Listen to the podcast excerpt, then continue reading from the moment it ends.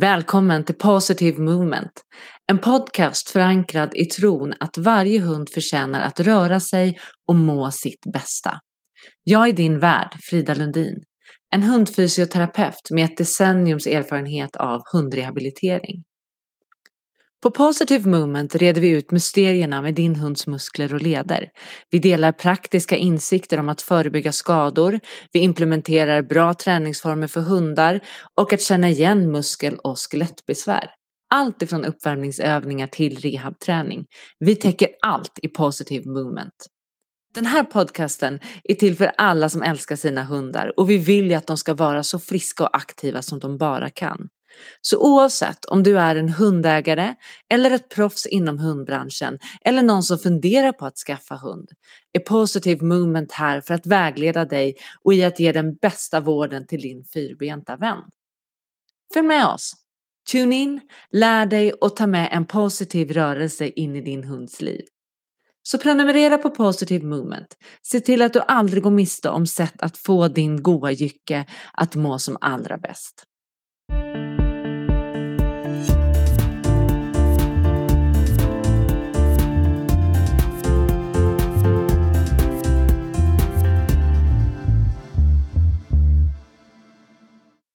Så, då är vi igång.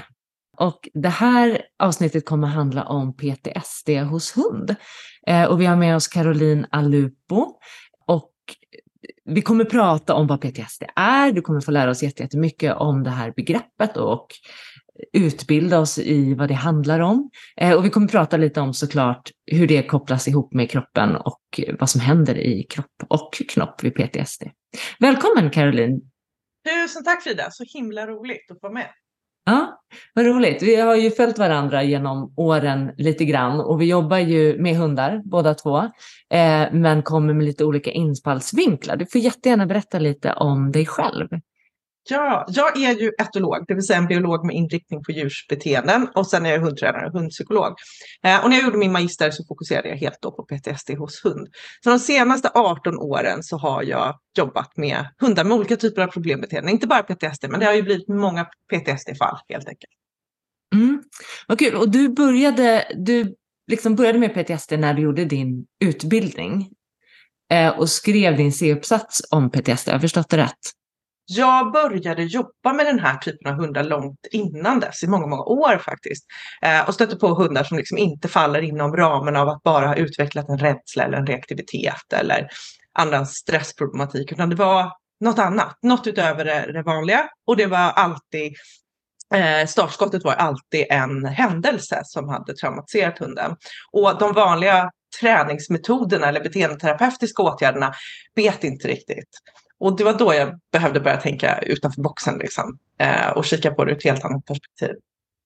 Berätta, hur, vad gjorde du? du... ja, då på den tiden famlade man lite, eller jag famlade ju lite i mörkret och var så här, vad är det här? Och började läsa på, läsa studier. Det fanns i princip ingenting på hund, väldigt lite i vilket fall mycket på människa, eh, eller mer. Och det har ju bara ökat eh, under årens gång. Liksom. Eh, så att jag testade massa olika metoder, men det jag märkte främst var att hundens hela välmående och allmäntillstånd var så påverkat. Och också den fysiska aspekten spelade jättestor roll för de här hundarna. Eh, och att stressreaktionerna var extremt höga, att deras sömn var påverkad och även eh, matsmältningen och, och liknande. Eh, så att det blev, det var väl då jag började utforma med ett större liksom, holistiskt perspektiv och inte bara tänkte triggerträning. Hur tränar vi bort den här reaktionen i det här sammanhanget? Men det här var ju 18 år sedan, så det var länge sedan. Eh, och sen när jag skrev eh, magisteruppsatsen, då ville jag ju verkligen få ner alla erfarenheter i en studie så att det faktiskt blev någon typ av fakta av det och vetenskap av det. Eh, så att eh, det inte bara var en massa tycken och tänk och, och tro, utan att det faktiskt är kontrollerat. Och det som fascinerade mig, eller överraskade mig, förvånade mig i din i uppsats var hur många av de här hundarna som faktiskt hade fått sin PTSD hos en yrkesverksam person, alltså en veterinär, hundfrisör. Då, på den tiden kanske det inte fanns så himla många hundfysioterapeuter, men hundinstruktörer, Den, någon ändå hade gått i god tro till en professionell människa och så hade hunden fått det här traumat. Ja, alltså det var ett fruktansvärt fynd. Jag, jag trodde inte att den siffran skulle vara så hög liksom som 44 procent av de här 57 fallen. Och alltså den gemensamma nämnaren i många av de här fallen var människan. Eh, och ibland var personerna, 24 procent, var det personer inom familjen eller grannar eller närstående eller bara någon på stan. Men i 24 procent så var det just en yrkesverksam inom hund. Eh, vilket är så otroligt olyckligt och, och, det är därför jag tycker det är så viktigt att sprida kunskapen. För att det enda sättet att liksom minska PTSD hos hund är ju att hundägare blir väldigt medvetna om att hårdhänt hantering och tvång och våld till slut, som det oftast blir ur hundens perspektiv, eh, hur det kan skada hundarna psykologiskt eh, för livet. Mm.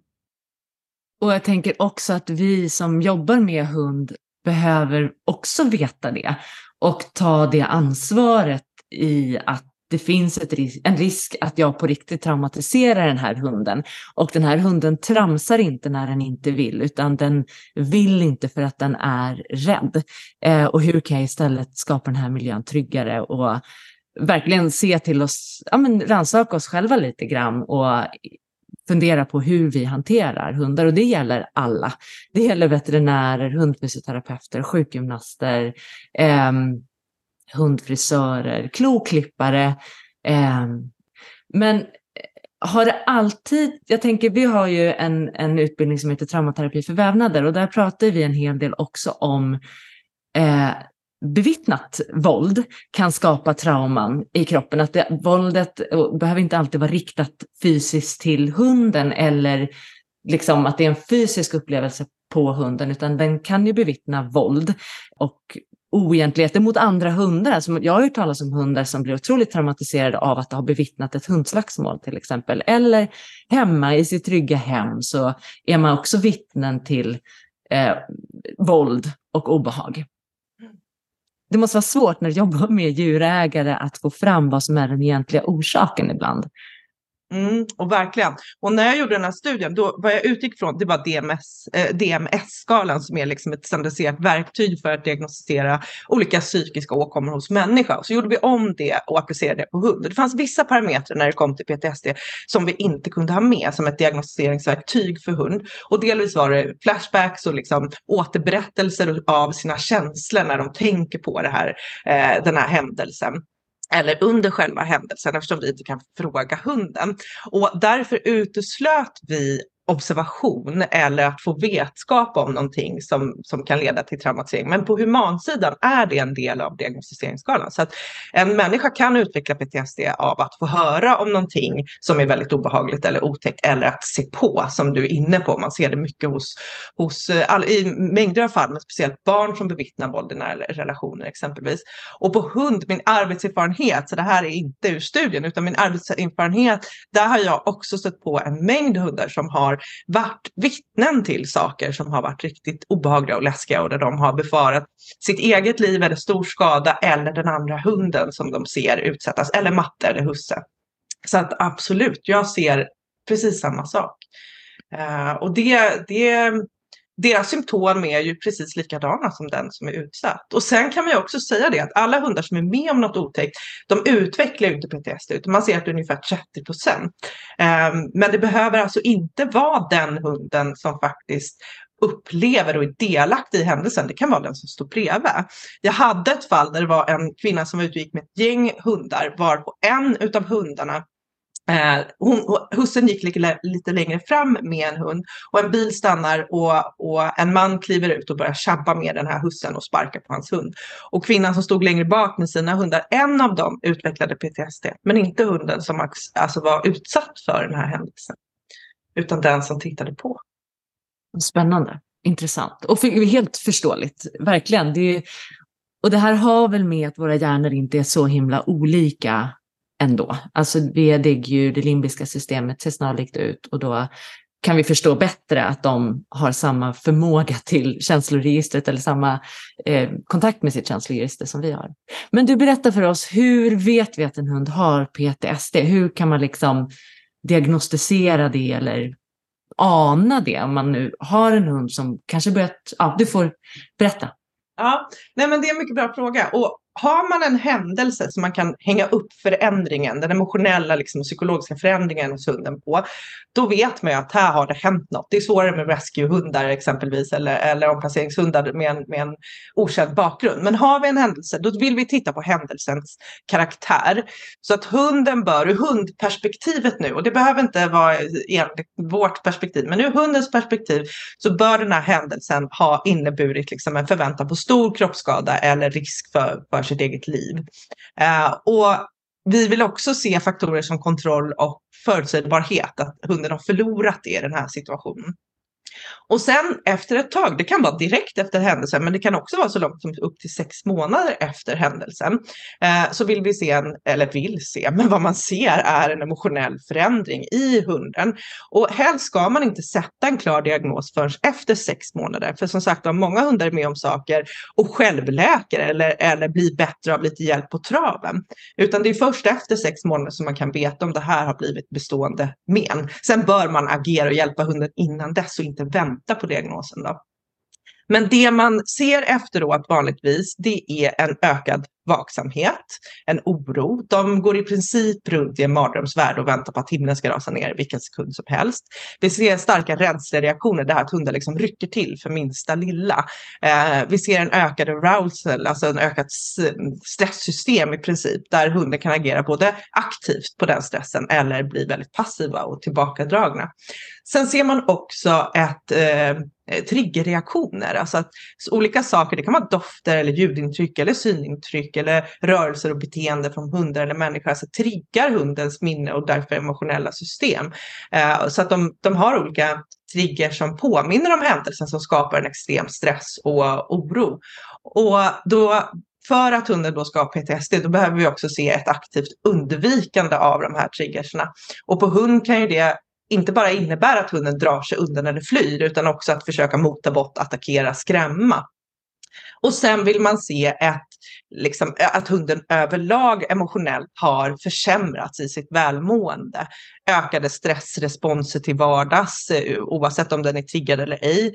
Påverkad sömn kan vara en sån sak, att hunden sover antingen eh, mer halvvaket och inte riktigt går ner i djupsömn eller att de drömmer mardrömmar, vaknar, ylar, skäller, springer runt eller att de inte vill sova om de inte ligger under sängen eller på matta eller husse eller liknande. Um, och oftast ser man ju också då slutligen magproblematik eller sjukdomar till följd av för höga stressnivåer under lång tid. Det var ett långt mm. svar Frida. Ja, men det är bra. Det var omfattande. Jag drog allt. Behöver... Ja, men det behöver vi. Behöver lära oss att förstå att detta faktiskt drabbar våra hundar. Och, och vi pratade lite om det innan, att PTSD är ju ett begrepp som kanske används eh, lite i tid och otid. Eh, och att det är viktigt att vi som jobbar med hund och hundägare lär oss att förstå skillnaden. Att jag skrämmer min hund en gång för att jag råkar tappa ett eh, kastrullock i golvet betyder inte att jag, den kommer få PTSD. Den blev bara rädd. Och det är, det är helt naturligt. Det är en överlevnadsinstinkt att kunna bli rädd, så det är viktigt. Eh, men därifrån till att utveckla PTSD, att vi förstår skillnaderna och, eh, mm. och PTSD är ju ett ganska allvarligt tillstånd att vara i.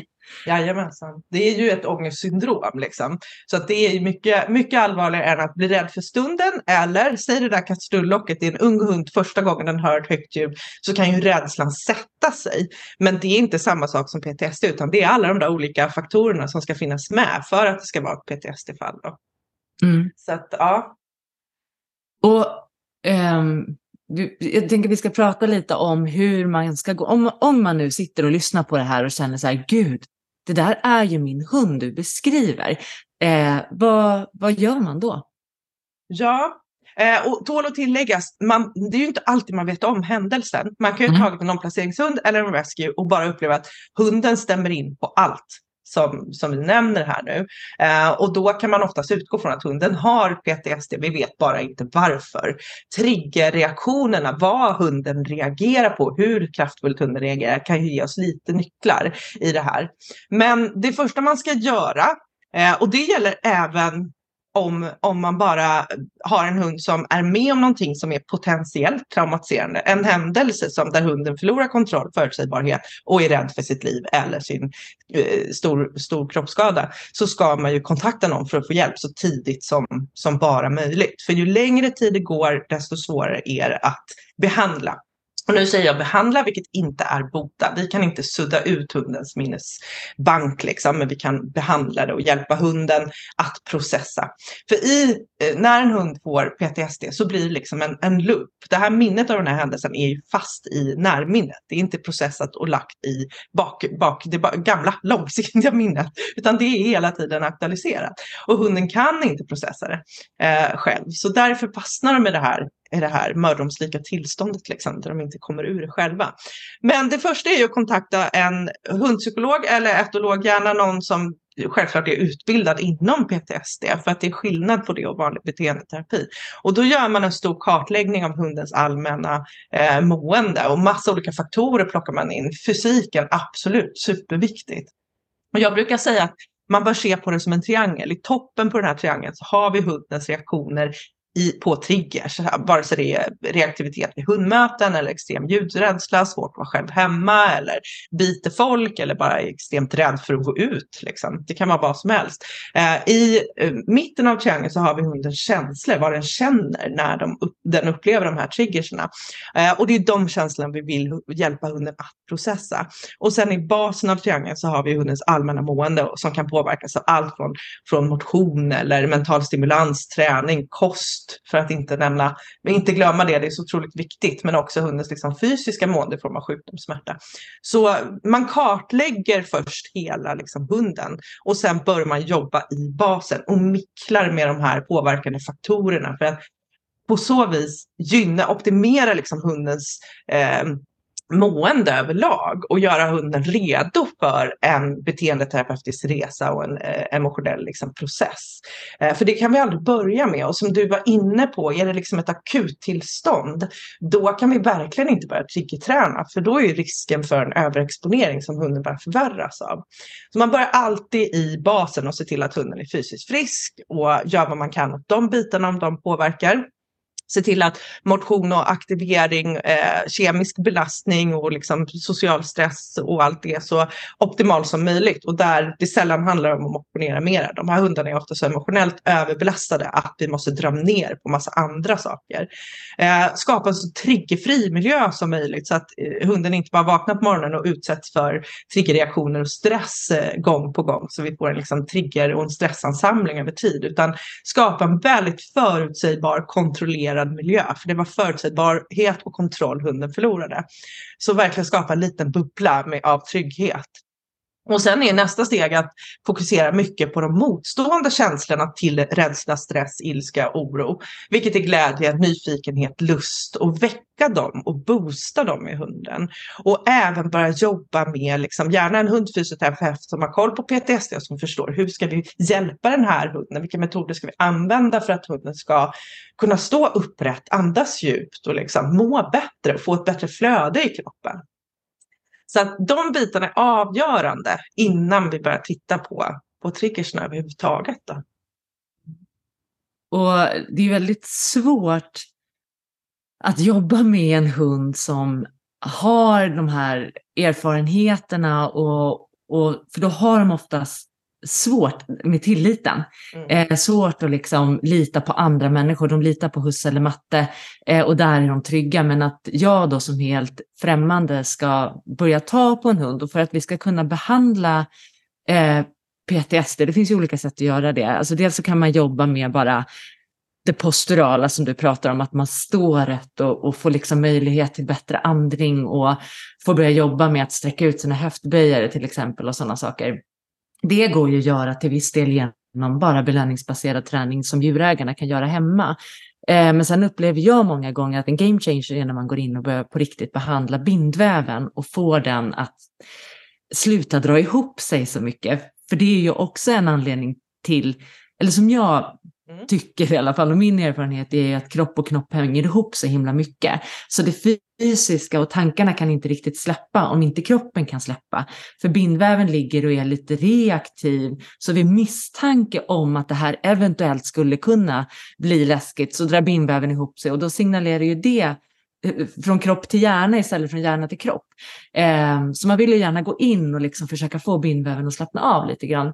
Men det kräver ju att jag har en hund som på riktigt litar på mig. Eh, så det, det, behöver man veta också då när man kommer som djurägare att det här kommer inte lösa sig på två träffar. Eh, och att jag som behandlare kanske kan vara villig att lägga upp ett program där vi träffas ofta men kort. Så att jag och hunden får bygga relation och att hunden får lära sig att här kommer inte göra ont, här blir det inga obehag. Eh, och då kanske jag också får vara noga med att tillrättalägga miljön och boka in en tid när jag vet att inte grannen håller på och hamrar eller eh, ja, vad det nu kan tänkas vara. Eh, så att man vet det som djurägare, att det här är ju ingen quick fix, varken med, med liksom den träningen man gör hemma eller med, med sin behandlande terapeut. Eh, utan det handlar om relation och förtroende. Ja, och verkligen. Och jag, jag älskar ju tanken på att liksom ge dem så mycket som möjligt som de kan göra hemma, det här lilla liksom.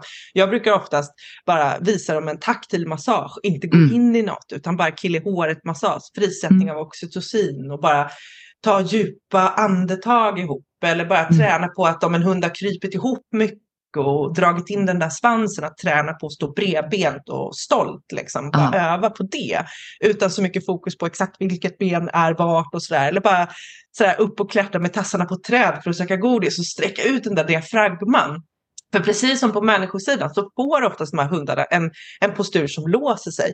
Eh, och jag var i kontakt med behandlare på humansidan som höll på med PTSD, personer med PTSD och de jobbade jättemycket med kroppskännedom och just balans och känna sin yttre kropp igen och bara självmassage och sådana små piggbollar som man rullade över sig för att liksom bara bli medveten om sin kropp igen på något vis. Så precis som du säger, kropp och knopp hänger ju ihop. Och ibland stänger vissa delar helt ner och vissa blir helt överansträngda. Liksom. Så att man kan ju börja mycket i det lilla själv, men sen behöver man ju kontakta någon som kan ge en en större plan. Och just som Frida säger, den där den där resan med en, en fysioterapeut blir ju också en, en bearbetning för hunden om den är rädd för människor eller varit utsatt för något. Så att det är ju en del av triggerträning i princip, att man börjar liksom återbesöka att det här, en sån här situation har varit jobbig eh, och så, så får de massa positiva nya erfarenheter som är otroligt läkande. Mm. Och, och säg nu, nu ska vi inte svartmåla veterinärer, men säg att skadan Eh, eller traumat har skett hos en veterinär, då är det ju viktigt att jag ser till att kanske inte ha använt dofter som trigger en sån sak som kan vara ytrengöringsmedel och sådana grejer, utan eh, inför detta besöket och kanske få välja tvål och vatten om jag vill göra rent ytor eller eh, kanske välja en annan lokal om jag har möjlighet. Eller att man tänker på att sådana saker också kan, kan bidra till triggers. Mm. Eh, bara ja, tillrättalägga allt så, him- så mycket det bara går. Har du erfarenhet av att använda eteriska oljor i sådana här behandlingar? Eh, nej, det har jag inte gjort. Däremot har jag, eller jag har inte använt det så aktivt själv, men däremot har jag sett en spännande studie där man använt lavendel på, i räddningscenter för hundar, alltså sådana rescue shelters, eh, där man har studerat hundarna, filmat hundarna utan att det är någon där bara titta på deras beteende i form av hur mycket rantar de runt, hur mycket gnäller de, skäller, ylar, eh, kontra hur mycket ligger de ner och är lugna och ser harmoniska ut. Och eh, så har man sen haft sådana diffuser med lavendel och sett en klar förbättring i deras liksom, lugna beteenden, att de varvar ner lättare. Det är inte lika mycket vokalisering och inte lika mycket runtrantande. Så det finns ju något väldigt spännande där, helt mm. klart. Ibland ber jag hundägare ha det hundar har så otroligt eh, bra doftsinne så man får ju verkligen spä ut de här oljorna men att ha det i händerna när man gör den här taktila massagen. För sen kan man ju ha en liten eh, utspädd droppe på en snusdästsduk som man knyter runt hundens hals om det är vid bilåkning eller på promenaden eller någonting. En doft som påminner om de här stunderna där hunden har varit liksom djupt nere i oxytocindimman.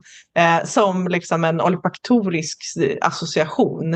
Eh, alltså en doft som påminner om den här sinnesstämningen. Eh, så det har jag använt mig av när det kommer till eterisk olja på så vis, men inte mer än så. Nej.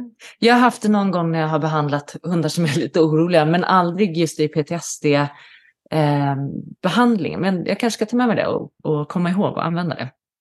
För det, det har gett effekt på de andra. Ja, vad spännande. Men på tal om dofter, det tål ju att, att ha med sig. Man Eh, det finns ju sådana här adaptilhalsband som utsöndrar en, en, en, doft som liknar den tiken ger ifrån sig när hon liksom diar valparna och vårdar dem. Som kan verka lugnande på, på en del hundar och kan ha väldigt god effekt. Men om en hund med PTSD har traumatiserats under tiden den var valp och var med sin mamma tid, då är det här en no-go. För den doften kan påminna om det skedet i livet. Så att där ska man vara lite försiktig. På tal om dofter. Mm. Ja, precis. Att vi behöver eh, veta, att säkerställa att det inte är en, en källa till, till oro och trauma. Och det tänker jag även om hundar inte har PTSD. Men har vi en hund som inte har haft det bra hos tiken, då kommer inte Adaptil att ge det resultat som vi är ute efter. Mm, exakt. Eh, kul, det här är så himla spännande. Man skulle ju kunna prata om det här i, i flera, flera timmar. Du och jag kommer ju dra ihop eh, en utbildning i ämnet så att vi yrkesverksamma hundfysioterapeuter och eh, hundpsykologer, eller vad vi nu ska kalla oss i framtiden, vi får väl se, eh, att vi ska kunna behandla sådana här hundar och bli bättre på att ställa diagnoser, förstå att det här är PTSD eller det här är en rädd hund. Eh, generellt om man ser till till kropp och knopp och smärta. Hur mycket påverkar det för en hund att ha höftledsartroser till exempel och PTSD eller liksom, det är inte höftledsartroserna som orsakar PTSD, det har jag svårt att tänka mig, men liksom sambandet med en hund går med kronisk värk, hur funkar det när man ska försöka bearbeta det här? Ja, det är otroligt svårt. Det är de svåraste fallen. För det är ju verkligen, smärtan där är ju bara som att någon står med en bensindunk på PTSD-elden. Eh, och det tål också nämnas att symptomen på kronisk smärta är väldigt snarlika PTSD. Så att man måste först verkligen göra en helhetsbedömning av hunden. Och har vi smärta med i bilden, då behöver man göra vad man kan åt den först. Speciellt om det är ett smärtstillstånd som är akut eller som är långvarigt och har gått obehandlat. För att annars kommer man inte vidare helt enkelt. Det är en jättebromskloss i det hela. Så att det är ju de absolut svåraste fallen när vi har, har smärta och PTSD i kombo. Och jag tänker som veterinär, eller om jag som djurägare går till veterinär och vi vet kanske inte att hunden har ett PTSD, men vi vet att hunden inte tycker om att gå till veterinären. Eh, hur kan vi liksom, hur ska vi hantera sådana här situationer om de då kommer in med sin smärta också? Eh, för det är ju det är jobbigt för dem att vara hos mm. veterinär många gånger. Det är det verkligen och jag är så glad att jag här omkring mig har väldigt öppna och nytänkande veterinärer som, som förstår att det inte Alltså standardundersökningen kanske inte är möjlig. Man måste kanske gå ut på den där promenaden med hunden och titta på den i en annan miljö eller ta hjälp av hundägaren som klämma och känna igenom och kanske eh, få titta på filmer när hunden är i sin hemmiljö och liknande. Eh, och sen eventuellt ge preparat som Tessie eller Celeo innan veterinärbesöket. Eh, för sederar man dem eller ger dem lugnande, ja, då kanske de inte visar på sin smärta när vi klämmer och känner. Eh, och att man sen får, får sedera dem slutligen och ta de här röntgenplåtarna men att man inte nöjer sig där. För att det är ju inte alltid det syns någonting på en röntgen. Eh, jag har en jättebra veterinär som ibland eh, väljer att köra en testbehandling på olika smärtstillande preparat eller kombinationer av det. Och där vill jag, ofta om hunden är en kandidat för sen psykofarmaka, då vill jag ju verkligen se till att vi först har sett vad kan en smärtlindring göra? Hur förändras beteendet och rädslenivån eller stressnivåerna bara genom att vi plockar väck eller minskar smärtan? Eh, om det är någon sån som råder. Eh, så att det behövs eh, veterinärer som tänker lite utanför boxen när de liksom möter en hund som är mer vild än tam eller superrädd. Så, och det inte går att komma nära dem. Och det där superrädda hundar hos veterinär, det kan ju vara att de faktiskt inte har PTS och de kanske inte kommer utveckla det varje gång de går till veterinären. Men rädslan blir ju eh, starkare och starkare för varje veterinärbesök, även om veterinären är supersnäll. Eh, och det är ju enormt problematiskt. Eh, och det får väl vara ett helt eget eh, poddavsnitt någon gång. Eh, men vad kan, vad kan man ställa som krav som, som djurägare när man går till veterinären? Vad, vad tycker du? Jag tycker så här, det är vi som är betalande kunder. Vi har yttersta ansvaret för våra hundar. Eh, men utmaningen, precis som för mig många gånger, att vi behöver ju göra vårt, det, vi, det vi kan för att hjälpa hunden. Och det innebär ju ibland då att vi måste klämma, känna, titta, lukta. Eh, det är svårt, det är en balans, det är en jättebalansgång och en avvägning som vi måste göra hela tiden. Eh, men vad kan man, vad kan man kräva av sin veterinär som, som hundägare? Det är svårt för dig att uttrycka kanske, men Ja, men jag tycker precis som du och jag tänker det tan tankesättet, det är min hund, det är mitt ansvar, jag ska inte utsätta den för någonting som potentiellt kan förvärra hela det här läget tycker jag är jättebra. För att annars, annars så kommer det bara förvärras helt enkelt. Så det är väl jätte, jätteklokt. Och sen så tycker jag att många, många veterinärer nu, om hunden har en extrem rädsla eller bara en stark rädsla, vare sig den har PTSD eller inte, så tycker jag många veterinärer eh, vill veta att de är i kontakt med någon som eh, beteendeterapeut, hundpsykolog eller liknande. Eh, och att de har en kontakt. Så oftast med sådana klienter som kommer till mig så ser jag till att jag är i kontakt med veterinären och berättar så här och så här mår den här hunden av de här, de här anledningarna. Det här jobbar vi på. Ehm, och också lite förklara, är det här risk för att hunden bits eller inte? Sån information är ju viktig. Och sen brukar jag förklara lite vad jag tror kommer gynna den här hunden vid ett sånt här besök. Och det kan vara svårt för, för en hundägare att kliva in på en bokad tid och försöka framföra allt det här. Så att, att förbereda veterinären och också liksom ta hjälp av en hundpsykolog som, som har den här kommunikationen. Och sen tänker jag, de här som är extremt rädda så tycker jag att det är inte fel att prova Tessie eller Celeo inför ett veterinärbesök. Eh, där vi liksom mot, motar stressnivåerna från att gå, gå i taket varenda gång. Men, men stå på sig eh, som mm. hundägare om man hamnar i en situation där någon inte bara lyssnar och ska köra över. För att är det inte ett akutläge där hunden håller på att avlida, då är det ju bara att kliva rakt ut genom dörren och boka hos någon annan. Ja, precis, att hitta sin veterinär som för om man som djurägare känner sig trygg och kan kommunicera och känner sig förstådd och hörd, då kommer också det förmedlas mer eller mindre till hunden och, eh, ja, och hitta en veterinär som hunden trivs med. Eh, eh, och mitt tips som jag brukar ge till mina elever, det är ju också att eh, smörja läpparna med försvarets hudsalva. Eh, för då brukar hundarna komma fram och pussa på en, för det tycker de är gott. Och självklart inte om man har en hund som är skiträdd för folk, men det är ett sätt att bygga lite band och skapa lite så relation på något konstigt sätt. Och att hundar som liksom börjar komma nära ansiktet, det brukar ändå vara en öppning till en kommunikation och en dialog med eh, hunden. Eh, så det kan vara ett knep ja. utan att man lurar dem eller ja. för dem bakom ljuset eller sådär. Men då blir de väldigt nyfikna på att komma fram till ansiktet och kanske då de här hundarna som aldrig pussas så får man pussar utav dem. eh, eh. försvaret hudsalva, det är underbar.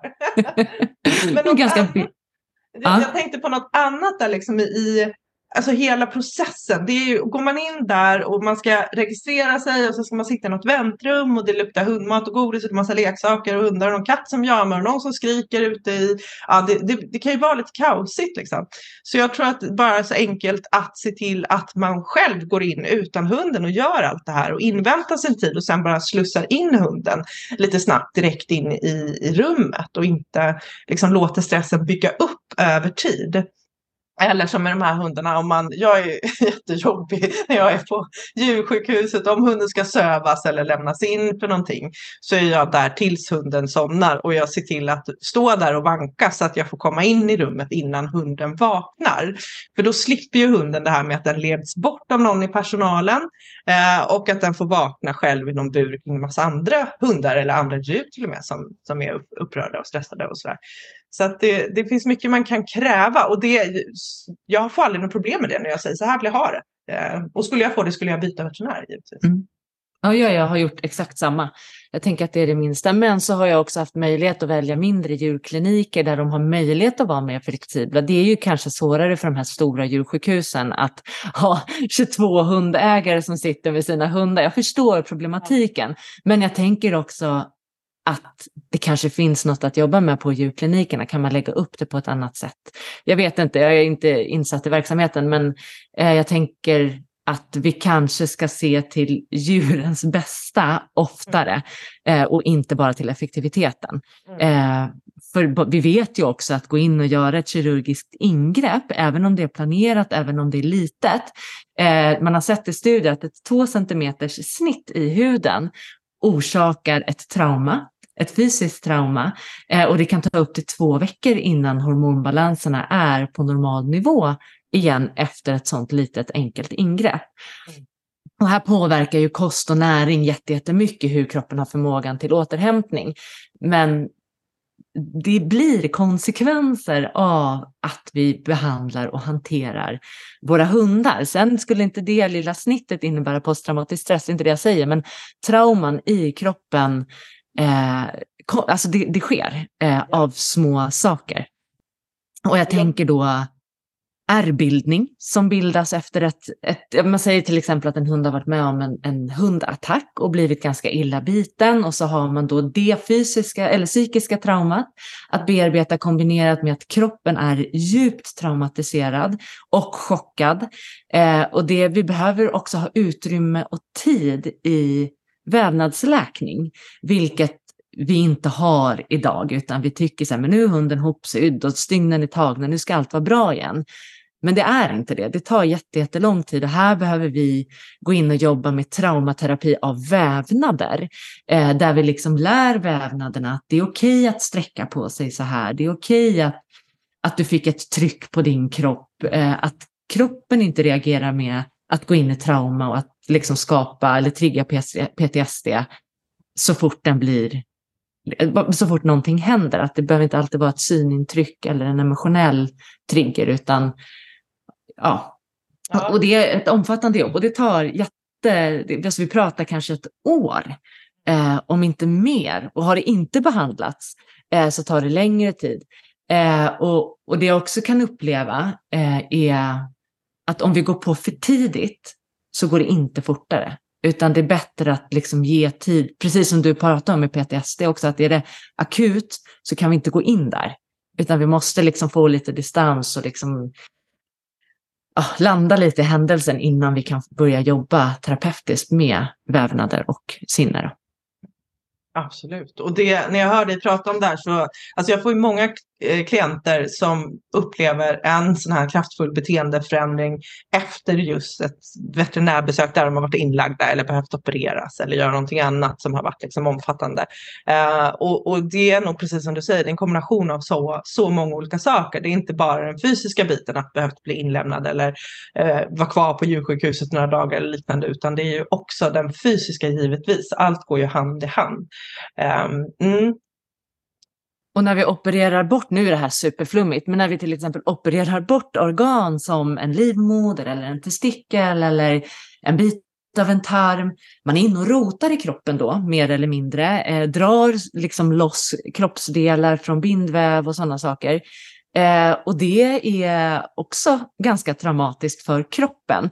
Hunden är ju inte liksom mentalt närvarande i detta, men eh, det är ett trauma som sker i kroppen och det behöver vi ta lite höjd och hänsyn för och de binds upp i lite intensiva positioner för att ju eh, veterinären ska komma åt. Det kan också innebära stress på kroppen och har man då kanske ont någonstans i någon led eh, och blir uppspänd och immobiliserad över tid på det viset så kommer det också stressa kroppen mm. jättemycket. Och det tar vi inte hänsyn till. Så även om allt har gått bra även om hunden inte är beteendeföräldrad eh, eller liksom uppenbart traumatiserad så tycker jag verkligen att man ska gå och få en omfattande massagebehandling efter en, en operation egentligen. Även om den var planerad och otraumatisk så, så innebar ändå en enorm påfrestning för kroppen. Eh, och jag har flera personer som har hört av sig, eh, inte bara Årebor, liksom, men flera som har hört av sig efter till exempel kastrering av tik. Att ett par månader efter eller en vecka eller två veckor efter så har tiken börjat halta eller visa på smärtor och kan det komma från operationen? Och Enligt veterinär så nej, det kan det inte för operationen gick jättebra, inga komplikationer, det har inte varit några inflammationer, allt har gått som det ska, men jag tror absolut att det kommer från operationen. Inte för att veterinären har gjort fel, utan för att kroppen har blivit utsatt. eh, på ett sätt som den inte är van vid. Precis, verkligen. Och jag tänker att efterchocksbehandlingar bör man liksom, ja, veterinärer bör lära sig mer av det och använda det mer. Jag tänker att det kan vara en strategi för liksom post-op, att det är en del av det. Um, och när jag menar, när jag pratar om efterchocksbehandlingar, oftast om det kommer eller folk hör av sig och, och hunden har varit med om någonting som de misstänker kan ha traumatiserat, så brukar jag säga det så snabbt som möjligt få en efterchocksbehandling. Och då tror många att det är liksom ösa på B-vitamin och tryptofan och lite magnesium. Och jag jobbar jättemycket med kost och tillskott. Jag tycker det är avgörande för att hunden ska liksom kunna gå in i en emotionell process på ett bra sätt. För utan de här förlöparna till signalsubstanser och hormoner som hjälper hunden så är det liksom ett kört lopp i princip. Men när det kommer till en veterinärmedicinsk efterchocksbehandling, då handlar det ju inte bara om tillskotten. Och de kan mycket väl, ibland i vissa situationer i ett akutläge, då är det en droppe i havet. Det gör ingen märkbar skillnad. Utan då måste man gå in med med tuffare preparat, alltså psykofarmaka av olika slag. Och det kan handla om en låg dos under några veckor till några månaders tid. Men bara den insatsen snabbt gör att hunden inte utvecklar PTSD. För att kroppen kan inte gå in i ett ångesttillstånd på samma sätt som sen får loopa och fastna. Liksom. Eh, utan man bryter den kedjan innan det ens en gång har kommit igång. Så det är väl också viktigt att skicka med lyssnarna liksom, att skulle din hund råka ut för någonting som du misstänker kan, vare sig det är fysiskt eller liksom psykiskt så kan en efterchocksbehandling väldigt snabbt vara helt, helt avgörande. Och det är inte bara gigantiska mängder B-vitamin.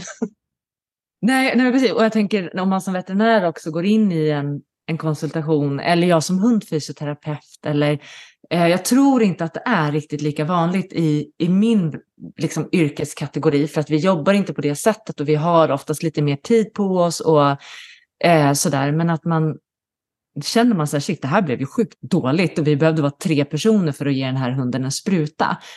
Är det liksom bättre att ge lite efterchocksbehandling i förebyggande syfte mm. än att strunta i det och se hur det går? Ja, men precis. Och det kanske man inte behöver sätta in liksom samtidigt direkt efter besöket, utan man kan se lite hur hunden eh, landar eh, i det. Eh, just en så. Och, och har hunden varit med om sånt här tidigare och skakat av sig det lite, då, då behöver man ju inte hålla på. Eh, däremot behöver man långsiktigt träna på frivillig hantering och liksom jobba upp ett förtroende för andra och öva på veterinärbesök. Man behöver hjälpa hunden långsiktigt. Eh, men det kan ju vara allt från säg att hunden är med om en bilycka eller en hundattack eller att brandlarmet går när hunden är ensam hemma eh, eller något liknande. Eller att en hundinstruktör säger jag kan låna och visa på din hund och så slutar det med att de rycker och ryter och slänger i marken. Att man i sådana situationer inte bara liksom tänker att jag har is i magen och ser hur det går. Och två veckor senare är man tillbaka på samma kurs och är hunden livrädd i det kontextet. Men det har inte synts hemma utan man måste ganska snabbt försöka utvärdera hundens liksom, förändring och mående och stoppa in den här typen av behandling kvickt. Mm. Och jag vet att det finns i alla fall en veterinär som föreläser en hel del och är väldigt liksom för psykofarma när det kommer till just beteenden och känslor och sådär. Men hur pass vedertaget tycker du att det är inom veterinärbranschen idag? Jag förstår att dina veterinärer som du jobbar med är är on it, liksom, att ni är på samma bana. Men jag tror att skulle jag så här, här uppe föreslå att du kanske kan Eh, ja, jag har väl några som kanske skulle fundera på det och vi skulle kunna ha en dialog och landa i att det kanske är ett bra alternativ. Men jag tror att det sitter, de har liksom inte riktigt hamnat där. Eh, vågar vi nämna vilka preparat som de kanske skulle kunna be veterinären titta på i sådana här lägen? Kan jag skriva in det i poddbeskrivningen sen. Eh, du kan få, vet du dem i huvudet eller vill du kolla upp vad ja, de heter? Nej, men absolut. Jag, och jag, brukar, jag har ju klienter via videokonsultationer över hela Sverige och vissa är ju på sådana platser där det här är bara Va? Vad sa du? Veterinären har noll koll på den här biten. Och det är långt från alla hundar, alla fall som behöver psykofarmaka överhuvudtaget. Men för de som har komplex PTSD och, och har extremt mycket triggers omkring sig och håller en väldigt hög stressnivå på en daglig basis, då är det helt avgörande. Och där tänker jag att det första man vill göra då som hundägare, det är att koppla på någon som kan föra den här kommunikationen med veterinären. Eh, och för att oftast tack och lov så tycker jag att många veterinärer inte skriver ut sånt här om man inte har kontakt med en hundpsykolog och, och jobbar med problematiken. För det här är ingen quick fix, det är ingenting som hunden bara ska gå på och bli bra. Det funkar ju inte så, utan det är ju bara ett hjälpmedel och komplement till beteendeterapin och det är lite olika preparat, jag är ingen expert på läget, men vanligtvis så vill man ju prova saker som Klomikalm, så som jag förstår det, är mer stressdämpande överlag. Sen har vi eh, preparat som Tessie och Celio som liksom blockerar noradrenalinet och får inte samma adrenalinpåslag, men det kan vi bara använda vid, vid några få tillfällen. Det är inte det hunden går på på en daglig basis. Eh, sen har jag, tycker jag, jag har väldigt god effekt på Floxetin eh, som när jag jobbar med PTSD-hundarna, för det verkar mer gå på liksom ångest om man säger så och, och med depressionstillstånd som då är bättre. En del får väldigt god effekt av gabapentin och där är det svårt att veta vad är hönan och vad är, vad är ägget eller vad man säger för att det slår ju också på nervsmärta som jag förstår så att, eh, men också har, har en ångestdämpande eh, effekt. Men, eh, men do, och sen doseringen är otroligt viktig. Jag brukar säga det, vad veterinären säger så halverar dosen. För får de i sig för stora mängder så blir de så otroligt allmänpåverkade. Så vi vill liksom smyga in det här lite sakta. Och också ha koll på saker som hur långtidsverkande är preparatet. Om det som med gabapentinet håller i en 3-4 timmar, då måste hunden få det regelbundet och verkligen under sin vakna tid kontra ett annat preparat där man ger ett piller om dagen, för det håller i hela dagen. Men jag vill alltid gå på liksom den mest, minst aversiva metoden först och prova saker som Aptus Relax exempelvis som jag tycker ändå har, har god effekt när vi inte är de här extremfallen. Då. Mm. Um, och sen får man jobba sig uppåt om man märker att Aptus Relax och andra stressdämpande ehm, um, åtgärder och liksom förbättrad sömn, kost. Vi får ändå ingen uh, harmonisering i hunden och kan börja triggerträna utan stressen är fortfarande så pass hög att hunden är i det här akuta tillståndet. Då behöver vi ta nästa steg. Uh, men då är tipset att se till att få någon hundpsykolog med på tråden som kan ta kommunikation. Ja, men precis. Och som, som kan hjälpa att bena ut att det här går att träna eller det här går inte att träna. För det är ingen som vill medicinera en hund i onödan. Det är liksom inte intressant, varken vad gäller antiinflammatoriskt eller psykofarma eller eh, smärtlindra heller, utan det ska till när det behövs, men inte i onödan. För vi ska också veta att det finns biverkningar och konsekvenser av ja, ja. medicinering. Och jag tänker, hundfrisörer, det är ett sånt här yrke som är så eh, otacksamt på något vis.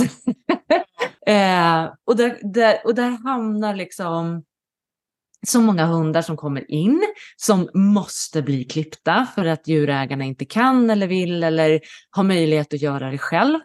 Och så är det hundar som tycker att det är svårt att bli hanterad och det är en situation där man oftast behöver var i situationen länge.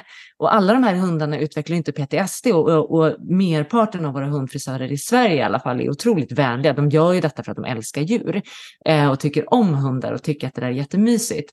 Eh, och, så, och de har ju oftast utvecklat en teknik och taktik för att hantera de här hundarna. Men hur hur ska de veta att det här är en hund med PTSD kontra det här är en hund som har smärta? Eh, nu blir det reklam här igen, men vi håller på att ta fram en utbildning just för hundfrisörer om smärta. Hur ska jag veta? Och hur kan jag kolla vart smärtan sitter? Men hur, hur, hur kan de liksom se att nej, men det, här är, det här är nog liksom beyond smärta, det här är något annat. Och hur kan de jobba för att inte förvärra? Det kanske är svårt att svara ja. på. Nej men jag tänker tyvärr i min studie så dök hundfrisörer upp ganska mm. mycket. Eh, inga hundmassörer eller fysioterapeuter men hundfrisörer. Eh, och jag förstår deras situation. Ibland får de in hundar som är mer vildantama, noll hanteringstränare. Det här är ett hundägaransvar att göra den här, det här jobbet. Eh, och, och liksom alla varit med om en klokklippning i, i princip och så ska de bara under en kort tid lyckas med allt det här på en hund som är jätterädd eller arg. Liksom. Eh, så det, det klurigt läge, men jag tror deras hund, hundfrisörernas främsta uppgift är ju att liksom utbilda sig inom frivillig hantering, lära sig hur man ser skillnad på smärta och vara lite o obehag, liksom, att stå på ett visst sätt eller bli klippt på ett visst sätt. Eh, och sen se till att man, man eh, verkligen, precis som du var inne på där, att man bokar många korta sektioner så att man är där ofta och lär känna, eh, hunden får lära känna hundfrisören och lokalen och, och sådär. Och även om matte eller husse ska gå därifrån, där är det också viktigt att hunden hemma har tränats till att lämnas ensam så att inte det är första gången den lämnas ensam med hos frisören. Men sen har den separationsångest hemma, då blir det bara det traumat på trauma. Eh, så att man ställer lite krav på hundägarna. Den ska vara hanteringstränad, den ska liksom vara socialiserad med människor och den ska kunna vara lämnas. Eh, och att man tar det sakta men säkert och bygger ett förtroende över tid. Det finns ju tyvärr fortfarande en kultur i att hålla i, hålla hårt, ryta till och sen liksom, eh, ja, försöka stävja opposition mot hantering. Och det är ju inget de ska hålla på med överhuvudtaget för det kommer förvärra. Det kan till och med vara orsaken till att PTSD utvecklas. Eh, så de behöver ta det, ta det lugnt och sakta och jobba med väldigt eh, belöningsbaserade och vänliga metoder där hunden får möjlighet till att säga ja och nej och pausa och sådär. Eh, sen tycker jag att hundägare överlag, jag tycker jag träffar mycket mer hundägare nu än förr som inte klipper klorna på sina hundar själva. Alltså lämnar in dem bara för kloklippning. Och här känner jag lite, nej vänta här nu. Det här, det finns så mycket bra träning och kurser och material där ute. Lär er frivillig hantering, lär er kloklippning. så att hunden slipper det här eh, om det är jobbigt för hunden givetvis. Uh, och det här behöver man också titta på. Att hur, vet vi om det är jobbigt för hunden? Är man inte där så ser man ju inte om den står som en mäla ihopkrupen med svansen under benet, eh, eh, mellan benen i en och en halv timme. Eller om den har försökt hugga den här hundfrisören tre gånger eller morrat. Man får ju lita på vad den personen säger. Men även den kan ju ha svårt att se subtila signaler på ett extremt obehag. Om hunden inte visar det aktivt. Eh, så jag brukar säga det. Vad händer när ni parkerar utanför lokalen? Öppna dörren och går däremot titta på hunden då. Och ibland ber jag folk filma hunden och så ser man liksom 71 stresssignaler. Och de säger att men den vill in där för där brukar vi köpa godis och tuggben. Ja men vad händer då när ni vänder om mot salongavdelningen liksom? Och då kommer stretandet. Och, och, där har vi ju svaret att det här är inte optimalt. Det här är ingenting som, som hunden gynnas av utan snarare skadas av. Eh, och det där, det är en helt annan diskussion, men för mig så är det så hjärtskärande med de här hundarna som är så godismotiverade. Så att de är beredda att göra vad som helst och ställa upp på vad som helst bara de får sin godis. Eh, jag har själv haft en sån hund. Eh, där man har liksom kanske tränat att en annan hund ska passera och hon har bara liksom haft fullt fokus på godis och så har man typ trott att ja men det här bekom henne inte. Och sen när den hunden har gått och hon äter upp sin godis, då kommer det ett, liksom ett rusk eller ett skak eller att hon plötsligt börjar andas eller så. Och då inser jag så här, gud, ja, alltså det, här, det här var ju, nu var det ju inget fysiskt, men man begår så lätt övergrepp på de här hundarna för att de följer med, de ställer upp för att de vet att där inne finns det godis, men det finns också det värsta jag vet. Och det blir så mycket känslor i det där och det är så fruktansvärt tycker jag. Mm. Eh, och det kan vara svårt om man inte är supervan att se det där. Jag och sen tänker och det, det, är hemskt, det är jättesvårt. Och, som, och jag många gånger upptäckte det inte förrän det var för sent. Mm. Att det är så här, oj, nu, det här var ju en typ av övergrepp, är så himla dramatiskt ord, men det är ju det det är. Eh, och, och, då är det ju för sent. Det enda jag kunde göra som jag tyckte hjälpte på henne, det var att liksom klappa om henne, ruska, leka lite, bara försöka få det att, att se att hon på riktigt är glad och inte liksom kliver in i stress, utan att det är glädje som kommer tillbaka till kroppen. Men, men jag tänker också när man kommer till hundfrisören, många av de här hundarna har ju ont i kroppen på grund av långa klor, toviga pälsar eh, och då ska man då bli hanterade i det där och en päls då som sitter fast i huden som måste klippas bort, det gör ju också ont och innebär ett obehag. Så att det är ju svårt och som hönsförsörjare förstår jag för att man har ändå fått, man har en viss tid, man har en annan tid bokad efter, eh, djurägarna förväntar sig ett resultat, man vill hjälpa hunden för man vet att den här pälsen gör ont.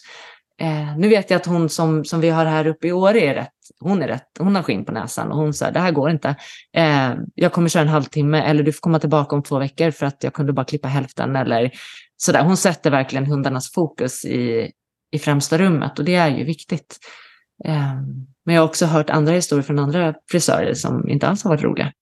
Nej, verkligen, verkligen. Och när jag hör dig prata om det här, jag tänker delvis så, så tänker jag just på det här du med godiset, liksom. när man kommer till triggerträningen i PTSD, när man ska börja liksom möta de här demonerna, vare sig det är andra hundar eller människor eller ljud eller ensamhet, sådär.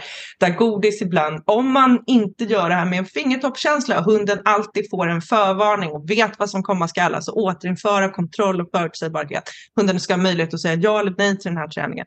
Om man skippar allt det och bara börjar tänka så här, men vi ska motbetinga, vi ska liksom bara se att när hunden ser en hund så ska den få godis, då blir det på lite för svår nivå och hunden hinner gå upp i stress, då får vi oftast förgiftade signaler, alltså att godiset blir kopplat till rädsla och obehag och så vill de inte ta godisen överhuvudtaget. Och då har man skjutit sig själv i foten rejält och liksom börjat den här be beteendeterapin med eh, överexponering, alltså flooding, eh, och kopplat in godis i det där.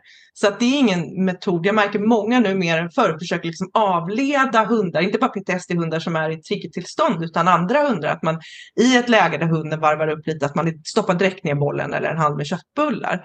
Och där kan vi ju få just den effekten att vi om något i ett akutläge, absolut, då får vi göra vad som behövs. Det är inte det, men om vi använder det här som en långsiktig strategi, först och främst så får vi ju ingen utveckling. Vi får ingen emotionell process, vi får ingen inlärning av beteenden eller strategier som är funktionella, utan vi bara avleder.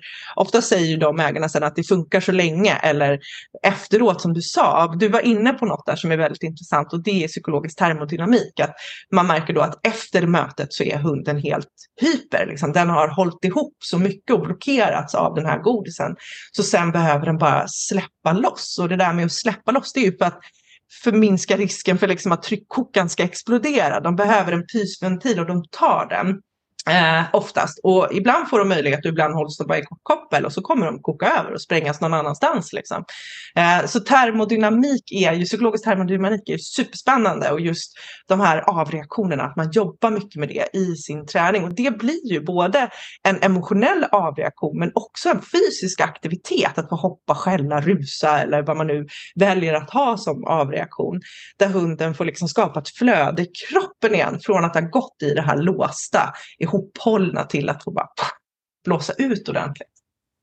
Och jag tror att om man ska koppla det till det fysiska också, så hundar som inte får möjlighet till det, som går kvar, förutom att de mentalt blir en tryckkokare så blir det också spänningar i kroppen som bara samlas upp och till slut så går de liksom och typ tassar på tå för att de har så mycket som bara de ska hålla ihop eh, med. Så det är superviktigt och av alla.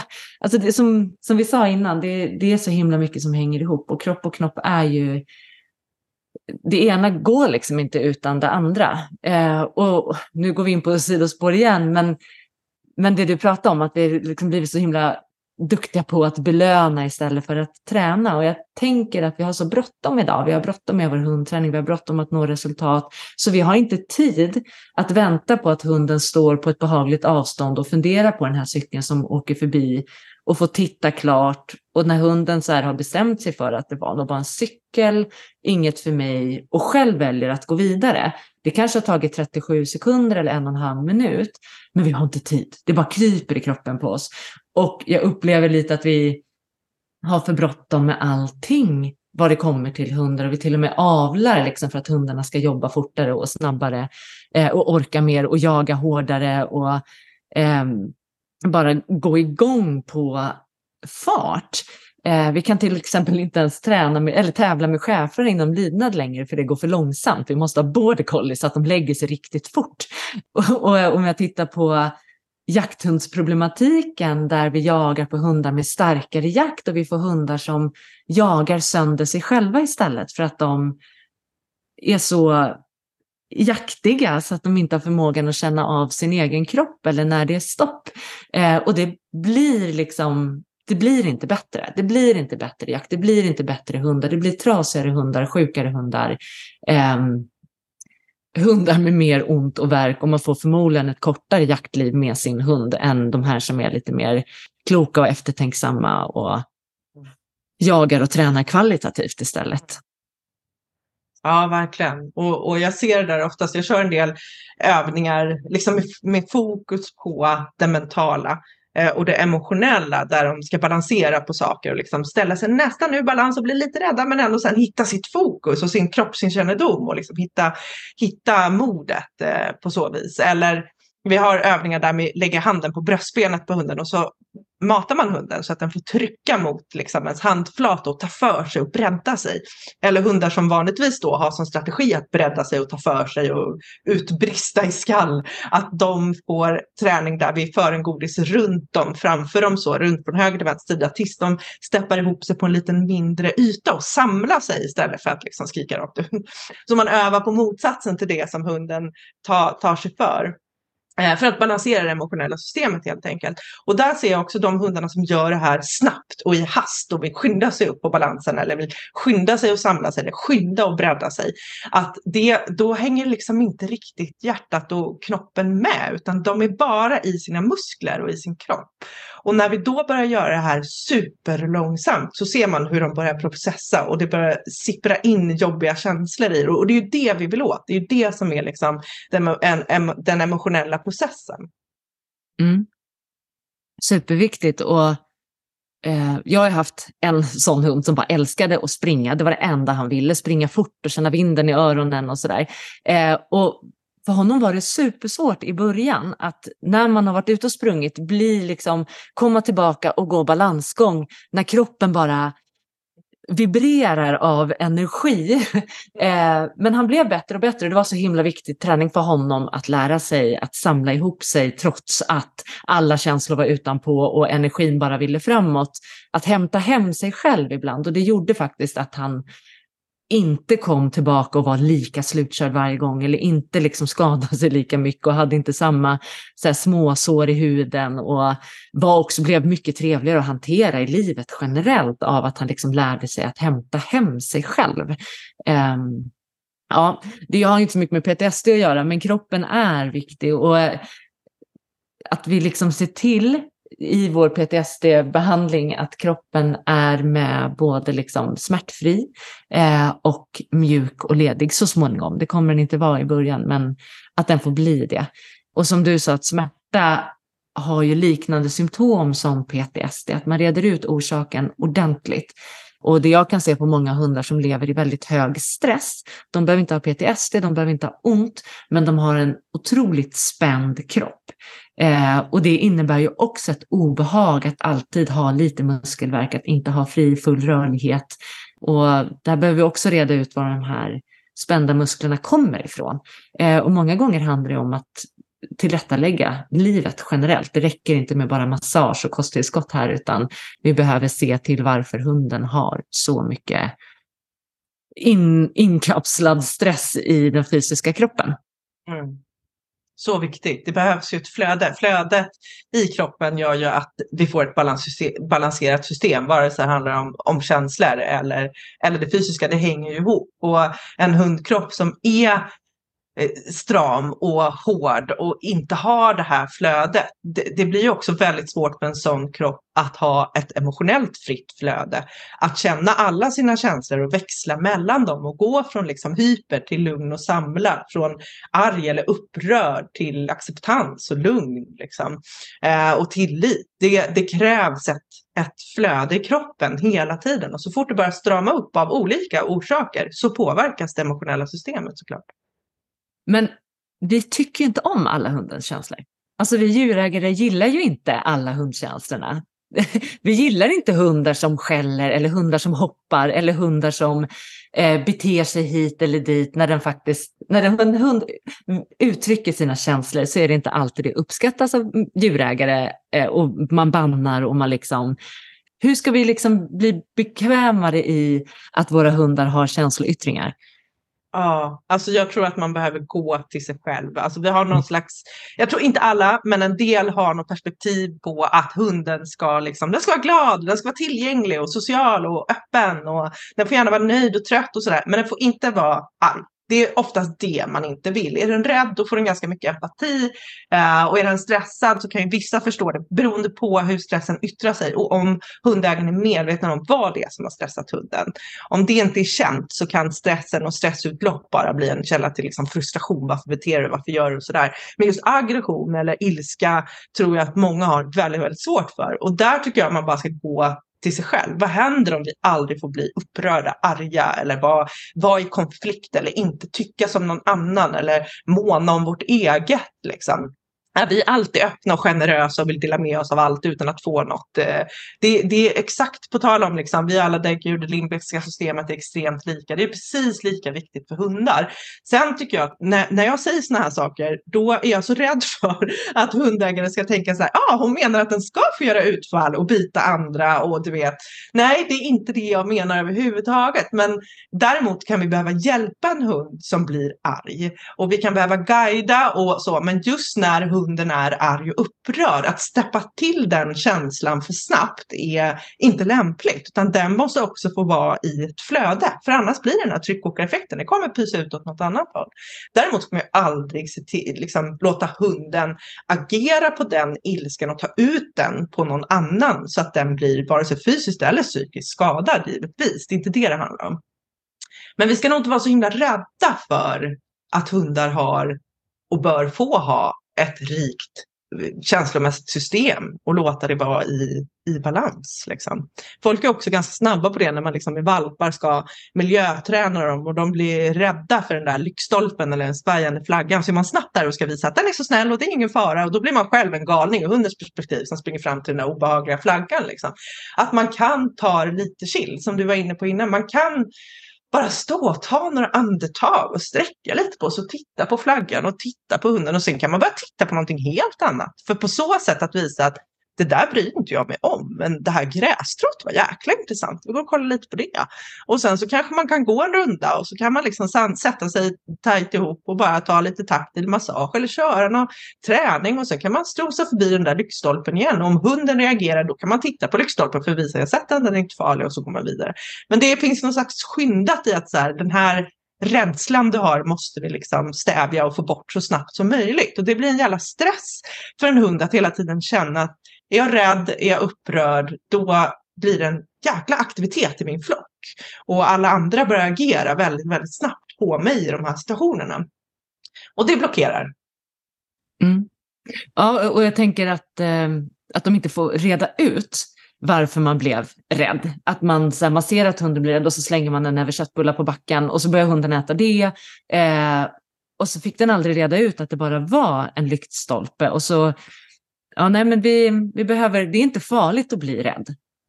Bara vi får förstå varför vi blir rädda. Liksom. Jajamän. Jag träffar mycket hundar som gör utfall i koppel, både mot människor och mot andra hundar. Och jag har eh, en klient jag hade nyligen, bara för någon vecka sedan, eh, som hade för vana, som man har av ansvarstagande skäl, att man liksom hovar in och drar in hunden eh, och försöker liksom säga till den och sådär. Vilket är fullt förståeligt. Men med mig i den här situationen så behövdes inte det. Eh, utan vi gick lite parallellt där och så sa jag så här, vill hon fram, låt henne gå fram. Och det gick bra när vi, var, när vi gick, men stannade vi som morgon och hoppade fram och sådär. Men jag sa det, släpp bara ut kopplet, ge henne hela kopplets längd. Och när hon väl kom fram så var det som att hon, hon agerade på det här viset. Sen tittade hon på mig för att se, vad, vad gör du? Hur agerar du på det här? Och när jag fortsatte att prata med hussen och struntade helt och hållet i det här, för hon, hon bet ju inte mig, utan hon bara lät och studsade runt där. Eh, så, så var det som att hon fick stå i den där känslan helt själv. Och så tittade hon lite på hussen och jag sa fortsätt prata med mig, strunt i henne. Och så gjorde han ingenting heller. Varpå hon kunde gå och cirkla lite och så kom hon fram till mig igen på ett väldigt trevligt sätt. Och då kunde jag säga, tjena, hej, trevligt, ses. Mm. och ta det väldigt sansat Liksom. Sen måste man ju göra den typen av träning med rätt personer och man ska inte utsätta allmänheten för det här. Men, men det var ett sånt klockrent exempel på att det blev inte så mycket värre om hon bara fick säga så här, jag tycker du är läskig, dra härifrån. Och så hände det ingenting. Och jag lutade mig lite bak och sen så fick hon liksom uppleva att du var inte så farlig. Och då får vi den här processen av känslan, få vara i sin rädsla, få vara i sin ilska och få landa själv i någonting annat. Eh, ibland behöver man ju gå in och träna direkt för att hjälpa hunden till en annan strategi. Om den hade varit mer utåtagerande eller, eller det fanns en risk för att hunden skulle bitas. Eh, men ibland handlar det inte alls om det, utan bara låta hunden processa och hitta sin egen strategi. Och, och, och det är ju inte önskvärt liksom, eh, för någon att bli arg fem gånger om dagen. Det är ju inte heller bra för vårt nervsystem och våra, våra spänningar i kroppen. Alltså ingen, då skulle vi få ett överaktivt system på grund av det med konsekvenser. Så har man de typerna av problem, då ska man kanske inte bara stå där och bara, men det är ingen för hon är bara lite arg. Eh, utan då går man ju och får hjälp med så att person, eller hunden inte behöver bli arg fem gånger om dagen. Utan någonstans så vill vi ju kunna ha harmoniska hundar i de flesta situationerna. Men för att kunna ha det så gäller det ju att själen mår bra och att kroppen mår bra. Eh, att man har rätt näringsbalans och att alla leder är smörjda och optimala och att man har fin cirkulation i sina vävnader och eh, ja, men att hjärnan är på en bra plats. Verkligen. Och sen när man börjar jobba med beteendet så är alltid första steget så här, det är okej okay att du blir arg. Det är okej okay att du är rädd. Eh, mm. inte okej okay att agera hur som helst på det, men att vi inte börjar agera i en sån hast och stressa upp oss själva som hundägare. Utan att vi sen med hjälp av avstånd och riggad träning som gynnar hunden, som gör att hunden kan processa och landa i en annan strategi och guidas och belönas för en annan strategi. På så sätt får vi med tiden en beteendeförändring som innebär en känslomässig förändring som i sin tur påverkar kroppen som inte blir lika spänd. Så hela hjulet snurrar ju liksom. Så att eh, ja, det här är ett så intressant ämne.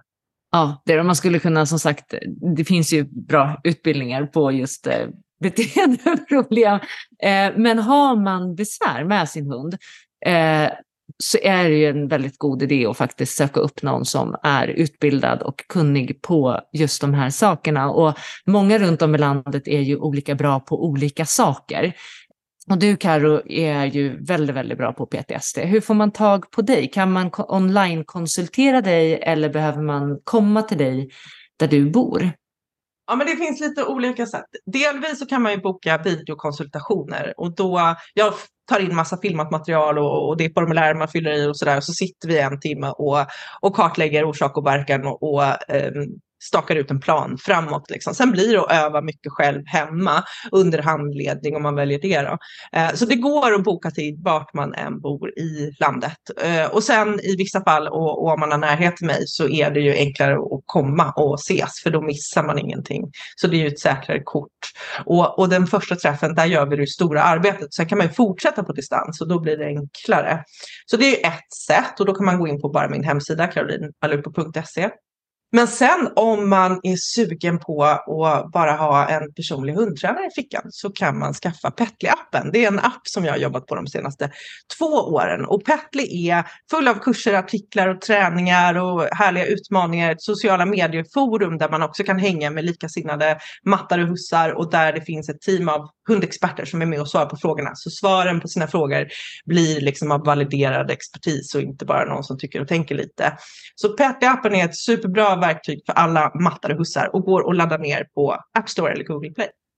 Och där finns det övningar som eh, är alltifrån valpen till att liksom lära sig sitta fint, gå fint i koppel och även fysisk rörelse och massa roliga grejer. Det behöver inte vara att man har så höga ambitioner heller, utan bara behöva lite inspiration och plocka fram någon övning när man är i skogen eller ute i parken eller vad som helst. Jättefin. Precis. Du Frida har varit med och filmat massa övningar. Mm. Så det finns en hel del fysövningar i appen också, vilket är jättekul. För då blir det verkligen kropp och knopp, ett holistiskt perspektiv hela vägen. Det är inte bara träning i form av beteenden, utan det är annat också. Yes. Och länk till appen kommer att finnas i programbeskrivningen om man vill ladda ner den. Eh, Do It, den är jättefin, jätterolig att ha med sig, väldigt inspirerande. Kul! Tusen, tusen tack Karo för att du var med och vår eh, utbildning om man vill fördjupa sig då eh, yrkesverksamma inom just traumaterapi, både mentalt och fysiskt och hur vi kan jobba bättre tillsammans som hundfysioterapeuter och hundpsykologer kommer att komma i eh, februari, 28-29 februari. Info kommer på våra hemsidor så att du kan anmäla dig till det.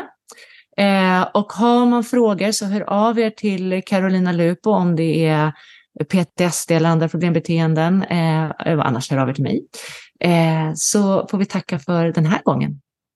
Tusen tack Frida, superkul att vara med.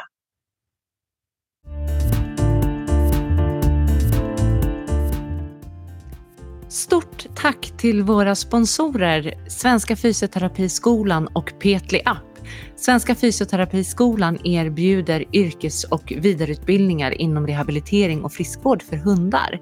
Petli App är en app där du får hjälp och råd med att träna din hund, du hittar artiklar, tricks, övningar, allt ifrån den lilla, när den lilla valpen kommer hem till när du har fått en gammal seniorhund.